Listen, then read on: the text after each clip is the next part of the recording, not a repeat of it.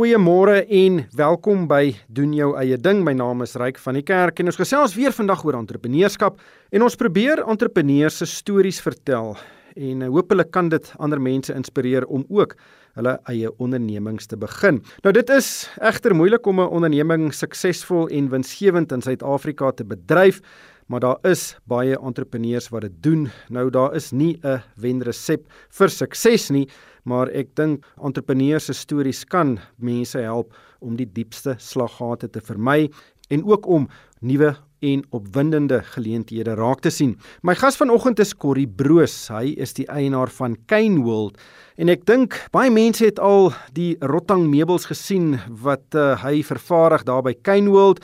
Nou hy het die besigheid in 1990 begin. Dis meer as 30 jaar gelede en vandag staan van sy meubels in honderde hotelle, gastehuise, lodges en huise reg oor die wêreld. Corrie, baie baie welkom by die program. Jou storie is regtig 'n interessante een. Vertel vir ons, waar kom Kane World vandaan? Goeiemôre Ryk, ja, en dankie vir die geleentheid. Dis 'n interessante storie eintlik. Ek het geologie, geografie, ekonomie en staatsleer op die destydse RAI geswat. En ek het maar my eie studies betaal met smousery. Ek het goederes gekoop en verkoop en ek was van 84 tot 88 op RAI en baie van my mede RAI manne sal nog onthou die ou wat die overalls gesmous het met jool en met intervasties wat ons joolpakkies was en jy het dit graffiti gedoen en jou klere beskerm met die parties en die klas van dinge. En later het ek begine werk vir Verimark op van hulle skoue en Mike van Straten sal my nog onthou van Verimark, Mike en Willie van Straten en Bert Provo. Hulle het my rondgevlieg deur die land want ek was so baie goeie demonstreerder. En uh, op een skou in Durban, toe sê die een ou vir my wat langs aan my 'n uh, rottingfabriek het, so 'n stalletjie op een van die skoue, sê daar's 'n baie groot geleentheid in die Kaap vir 'n goeie kwaliteit rottingwinkel. En ek sê regtig, hy sê ja, en ek het my universiteit klaar gemaak. Ek het my eie studies betaal met al my smouserye en al my bierdrinkerye en so aan myself betaal. My pa het hier en daar so 'n bietjie gehelp. en uh toe ek weermag toe en ek het op die 26ste Julie uitgeklaar 1990. En die 27ste toe koop ek 'n Toyota Hilux bakkie. 28ste het ek nog verloof geraak en die 29ste toe spring ek in my bakkie met al my aardse goederes, al my universiteit files wat my besigheidsfiles sal wees hm. en ek ry deur die nag Kaapstad toe om 'n besigheid te begin waarvan ek niks weet nie. En ek het hier aangekom op die 30ste Julie en ek het begin. Ek onthou was nog 'n reënerige oggend in die Kaap daai tyd en ek het begin. So iemand en, het vir jou by 'n skou gesê, luister jy kan goeie geld maak deur rotting meubels in die Kaap te verkoop. Jy sê, "Wel, dan gaan ek dit probeer." Ja, ietsie soos dit en ek het my pa oortuig om vir my 'n uh, borg te teken vir 'n lening wat nie altyd so goeie idee was nie want paar keer het ek amper die einde gesien want jy's maar dom, jy's stupid, jy weet nie wat jy doen nie, jy's vas uit die universiteit uit 2 jaar of 18 maande in die weermag. Vertel vir ons nou toe jy nou daar aankom op hierdie reënerige Kaapse oggend, wat het jy eers gedoen en wanneer het jy jou eerste produk verkoop? Toe ek in die weermag was kon ek dan vir my so jy weet in die weermag het jy ouens gehad wat altyd vir hulle kon self organise en uh, ek het vir myself 'n pas gereël uit Walvisbaai uit uit die woestyn uit Kaapstad toe op die weermag se onkoste na my besigheid toe want ek het tegniese besigheid gehad en ek het vir my 'n perseel kom soek so ek het dan al 'n perseel gehad in die Kaap.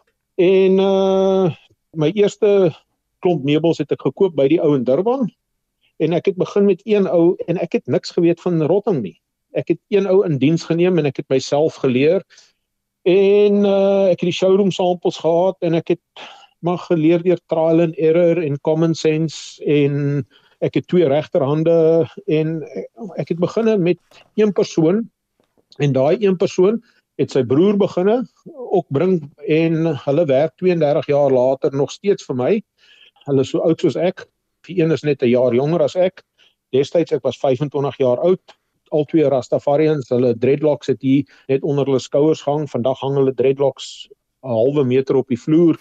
en uh ja, dis maar hoe dit dit begin het en ek het ek het letterlik myself geleer rotting meubels maak. Ek het ek het niks geweet nie. En vandag het ons 'n staalafdeling waar ons staalmeubels maak, aluminium meubels maak, waar ons weef met die kunsmatige rotting, ons weef met tou. Ek het 40 mense hierso wat vir my werk en ons lese is ons doen baie jy het genoem van die hotelle en gastehuise en lodges reg oor die wêreld.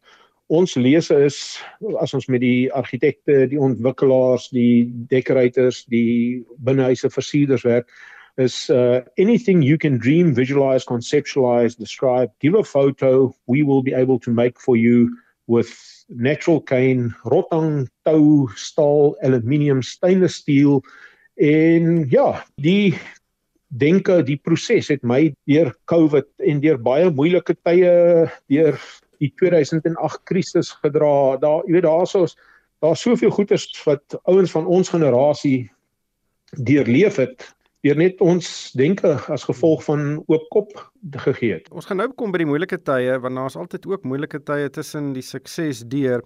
Maar jy het nou gesê julle vervaardig nou self julle produkte. Wanneer het jy nou verander van produkte aankoop en dit dan weer verkoop na die skep van jou eie fabriek of die stigting van jou eie fabriek sodat jy self uh, amper amper heel van die begin af, heel van die begin af.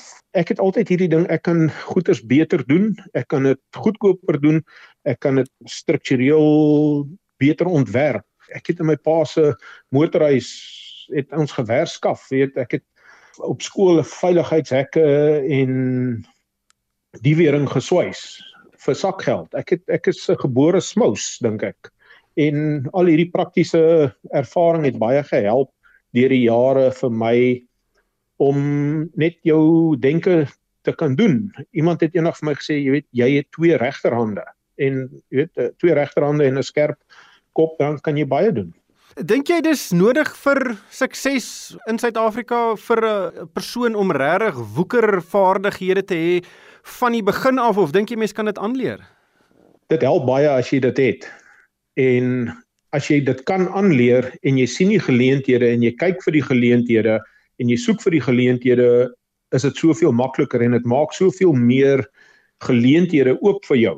Toe ek begin het, het ek aanvanklik probeer subkontrakteurs kry en jy's nooit die kaptein van jou eie skip met subkontrakteurs nie. Al is jy vir jou subkontrakteur baie belangrik, hy het nog 3 of 4 ander baie belangrike kliënte en van die probleme wat ons in Suid-Afrika het is transport van almal se werkers. So sy werkers daag nie op nie. So wat doen hy? Hy moet nou besluit tussen 3 of 4 kliënte watter een gee hy die meeste aandag. As jy daai woeker talente het en jy's bereid om jou hande vuil te kry en kreatief denke toe te pas, gaan jy soveel meer geleenthede kan benut en soveel vinniger as ons hierso byvoorbeeld met 'n hotel werk en hulle wil 'n sampel hê. As ek 'n subkontrakteur het en hy's besig, kan hy nie vir my 'n sampel maak nie, maar ek kan vir my mense sê, hoorie ons werk vanaand tot 10:00 of 11:00 of 12:00, ek laai jou by jou huis af in die middel van Khayelitsha, dan is hy bereid om te werk. En ons kan die voorbeeld dan reg en gereed hê vir die volgende oggend 8:00 of 9:00 of 10:00 se vergadering vir die voorlegging aan die ontwikkelaar of die finale produk vir goedkeuring. En julle het die vaardighede om 'n produk te ontwerp en aan mekaar te sit binne 'n kort tydperk en dan is daai ding struktureel reg en gaan vir 'n baie lang tyd hou. Ja, ons gee 'n uh, 2 jaar waarborg op hospitality industries en 5 jaar vir normale huishoudelike goederes wat ongekend is in enige bedryf, daai waarborg. Al my mense wat ek het, het ons self opgelei of dit nou 'n swyser is, die stoffeerder, die wewer, die spuitverwer, die skrynwerkers, alles. Ehm um, die skrynwerker het hier gekom met 'n bietjie kennis en die res van die tyd het ons alles selfopleiding binne huis alles self gedoen. Jy weet so ek sit hier met 40 mense wat ons van begin af regdeur opgelei het. Deur die jare verloor jy van jou mense. Ons het al 'n paar aan oppositie mense afgestaan wat by ons kom steel het omdat ons werkers van sulke goeie kwaliteit is. Ek gesels met Corrie Broos, hy is die eienaar van Kaneworld. Dit is 'n uh, besigheid wat al vir meer as 30 jaar lank bestaan en dit vervaardig en verkoop 'n hele reeks rotang en ander tipe meubels en van hulle meubels staan al in uh, hotelle, gastehuise, lodges en huise reg oor die wêreld. Eintlik 'n ongelooflike suksesstorie. Maar Corrie, ek wil weer teruggaan na die leerkurwe toe. Ek weet vandat jy nou die besigheid begin het, hoe lank het dit vir jou gevat voordat jy nou besef het, luister, hierdie besigheid gaan werk. Dit gaan 'n winsgewende besigheid wees en ek sal 'n lewe hieruit kan maak. As jy jonk is, en jy het geen ervaring nie, glo jy dit van dag 1 af. En as jy entoesiasme het, probeer jy dit maak werk. Nee, bestaan nie in jou woordeskat nie. Dit bestaan nie in jou jou dag tot dag lewe nie. Jy weet, jy moet alles maak werk want jy het nie 'n ander opsie nie. Ek praat baie met ander besighede en jong mense wat besighede begin en so aan. En die slegste baas om te werk is vir jouself, want jy sal vir niemand sulke lang ure vir sulke lae lone werk as vir jouself nie. En vanaf dag 1 glo jy in jouself. As jy in jouself glo en jy werk jouself simpel en 24 ure 'n dag om hotelle goeders klaar te kry en so, dan bou jy 'n lojaliteit op onder jou kliënte dat jy betroubaar is. En die mense glo in jou en later van tyd het jy so 'n loyale kliëntebasis wat net jou gebruik want jy's op tyd, jy het kwaliteit en jy gee presies wat hulle wil hê. Weet baie kere gee hulle vir jou net 'n konsep en jy moet 'n produk vir hulle skep wat nog nie eens bestaan het nie. En dan skep jy vir hulle hierdie produk, hierdie weet hulle 'n basiese skets en hulle gee vir jou so afskrif van 'n selfoonfoto van 'n foto wat gekopieer is en jy moet nou ietsie daar uitskep en hierdie ou gee vir jou nee hy wil hy moet op 'n stoep staan en hy moet iets daar binne pas.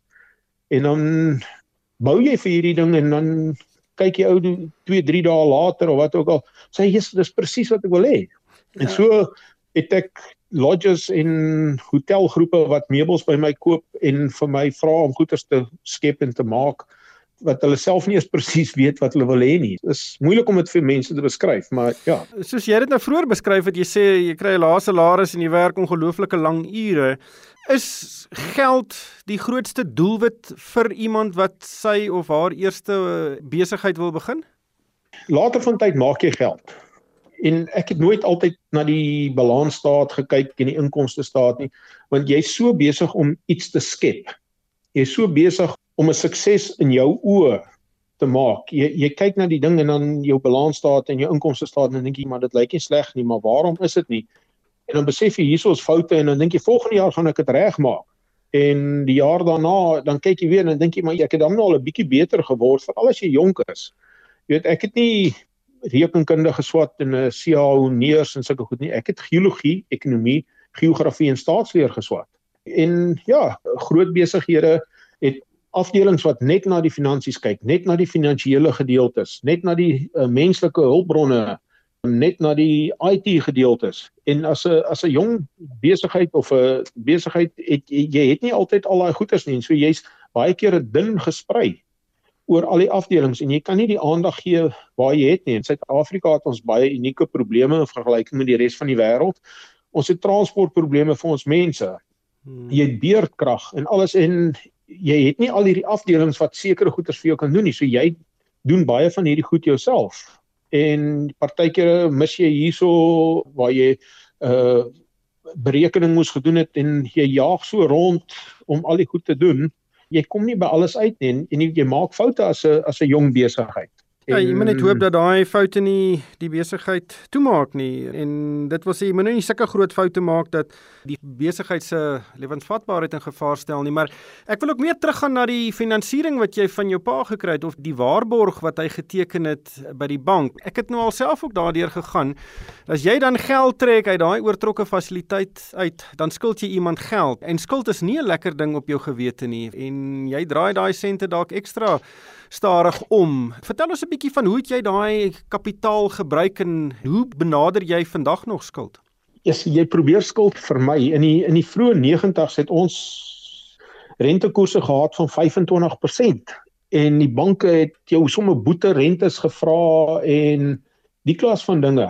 En jy maak partykeer 'n dom foute wat jou baie geld kos en jy spyt en een van die groot dinge wat ek gesien het is waar ouers en ek was een of twee keer al baie naby waar ek amper toegemaak het en ons kan later daarby kom waar jy mense vertrou. En ouers wat vir hulle kinders borg teken is 'n baie groot probleem. Alle ouers glo in hulle kinders. En daar is soveel dinge waar ouers vir hulle kinders borg geteken het en dan baie geld verloor het want die besigheid het nie 'n sukses gemaak nie. Jy weet ja, vir my ek Ja, dan misluk die gesin en die familie ook en nie net die besigheid nie, ja. want dit kan ongelooflike ja. spanning meebring. Ja. Dis moeilik, jy weet, want 'n ouer glo in sy kind en hy wil sy kind help.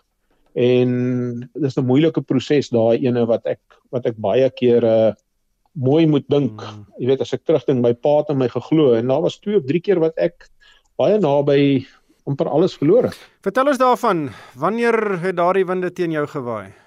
Ja, die een was onthou destyds met die Mykonos daarso toe wat was daai Masterbond. Masterbond. Yes, jy maak 200 stoele. Jy weet en die mense betaal jou nie, jy lewer af 2 dae voor die bombas. Nou daai geld is net weg. Jy het dit nie gekry nie. Ander keer was ek is deur 'n egskeiding, 'n baie traumatiese egskeiding vir my gewees. En ek het heeltemal my oog van die bal verloor en ek het die finansieringsgedeelte heeltemal gelos aan die rekenmeester wat 'n dubbelprobleem gehad het. En uh dit weet jou kop is deurmekaar as jy egskeiding of slegte tye gaan en alles en 'n dag voor ek gesekwestreer het en gelikwideer het, toe vang ons haar uit. En ehm um, nou het jy niks geld nie. Jy weet jy het niks nie, soos in zero. En ehm um, toe gaan ek na al my krediteure toe. Ehm um, jy weet hier in die so 22 jaar terug, jy die krediteure het vir jou 150 dae krediet gegee. Almal, jy weet, die krediet was maklik beskikbaar. En ehm uh, ek het na almal toe gegaan en gesê, hoorie, dis die scenario, dis waar ek was. Alles, jy kan of nou likwideer, dan kry jy niks of alles wat ek van nou af koop. En my my lewensmaat wat ek destyds ontmoet het, uh Sonet was amazing. Sy was 'n bankbestuurder. Sy het my net daarna ontmoet en ons het saam deur dit gegaan en ek het vir elke krediteur gesê alles wat ek van nou af koop, koop ek kontant en ek betaal daai bedrag plus 10% af. En so het ons al die skulde afgewerk, elke kredietlyn alles op die einde van die dag afgewerk en ja, baie geld terugbetaal baie geld aan die bank terugbetaal. Later van tyd het ek my gastehuis wat ek gehad het, ek het in die stad ook 'n gastehuisie so opgebou, het ek verkoop en die laaste gelde aan die bank terugbetaal dat ek absoluut skuldvry is. Ja, ek het ook nou al baie stories gehoor van mense wat op die rand van bankrotskap staan en dan gaan hulle na krediteure toe en sê luister, vertrou my, ek sal die haas uit die hoed ruk. Maar mens kry nie daardie instemming van krediteure as jy 'n goeie verhouding met hulle opgebou het. En baie ja. keer vat dit eh, 'n uh, lang tyd om dit te doen. Hoe beskou jy verhoudings in in die besigheid? Dit is so belangrik. Jy weet vandag se tyd het, het die dinge baie verander met internet en jy bestel alles oor die internet en die klas van dinge. Elkeen van my verskaffers maak ek seker dat ek hulle eenmal elke 6 maande bel of selfs my gesig gaan wys as ek in die omgewing is. En ek wil nog steeds 'n uh, verteenwoordiger van 'n maatskappy ten minste eenmal elke 2 maande sien. Dat ek hom vierkantig in die oë kan kyk. Ek wil nie net 'n nuusbrief ontvang nie. Ek wil hom vierkantig in die oë kyk. Ek vat hom deur die fabriek. Kyk hierso, dis waar ons is. Die ou moet weet waarmee hy deel. Hy moet weet wie jy is. Hy moet weet wat jy doen. Presies. Want uh, anderster is daai verhouding nie daar nie. En dit is baie moeiliker vir 'n ou wat vir jou al 10 jaar kom kuier het elke 2, 3 maande of wat ook al om te sê hoorie so ek gaan jou nie uithelp nie. As wat 'n ou wat jy vir 5 jaar of wat ook al oor die internet net goed bestel het en jy het 'n 30 dae krediet wat jy net betaal het, daai ou stuur net terug sorry ons kan jou nie help nie. Maar as as hy vir 10 jaar of 5 jaar vir jou kom sien het en ek dring aan daarop om 'n verteenwoordiger te sien. Ek gaan sien my verskaffers. Ek wil sien wat se nuutste produkte. Ek wil weet die goeders, jy weet, eh, mense dink Rotterdam meubels wat so goed is is daarso. Maar ons het die verf, jy die stoffering, jy die spons, jy die skroewe. In ons fabriek het ons 'n aluminium en staal gedeelte en 'n houtwerk gedeelte.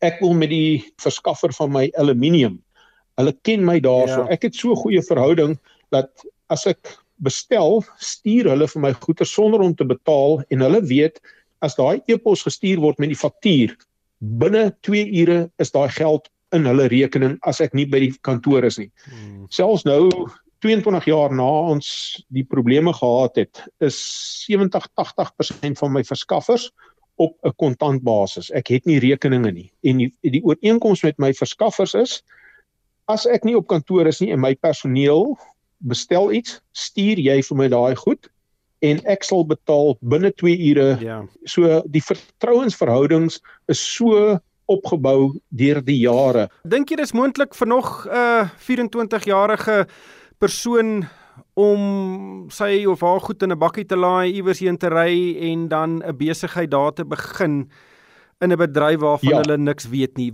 Wat is die belangrikste ding wat daai persoon moet doen om suksesvol te wees? Vir my, die belangrikste is entoesiasme. As jy nie met entoesiasme en 100% entoesiasme in jou bedryf ingaan nie, gaan jy dit nie maak nie. Jy weet, soveel mense begin hulle bedrywe, begin hulle besighede en hulle wil 'n 8 tot 5 werk doen en hulle wil middagetes gaan eet en al die perks wat daar is by 'n besigheid. Jy kan nie daai besigheid bedryf as jy nie entoesiasme het, hard werk, ekstra ure insit, onbetaalde ure insit, want later van tyd pluk jy die vrugte van jou harde werk. Jy weet my groot ding is is vlieghengel en reis. En vandag kan ek vir jou sê ek was al in 53 lande waar ek vlieghengel en 50 van hulle gedoen het reg oor die wêreld. En dit is wat my besigheid vir my gegee het. Ons lê daar met los. Corrie, baie baie dankie vir jou tyd vanmôre. 'n uh, Baie interessante gesprek. Dit was Corrie Broos. Hy is die eienaar van Kane World en dis 'n besigheid wat rotting meubels vervaardig en bemark in Suid-Afrika. Inteendeel, dit van sy 'n meubel staan reg oor die wêreld in uh, hotelle, gastehuise en ook huise. Corrie, baie dankie dat jy jou storie met ons uh, gedeel het vanmôre. Baie dankie Ryk, ek waardeer dit en groete vir jou ook en sterkte daar. Lekker interessante suksesstorie hierdie. Luisteraars is welkom om vir my 'n e-pos te stuur. My adres is ryk@moneyweb.co.za en daarmee moet ons groet van my ryk van die kerk en die Moneyweb span. Dankie vir die saamluister.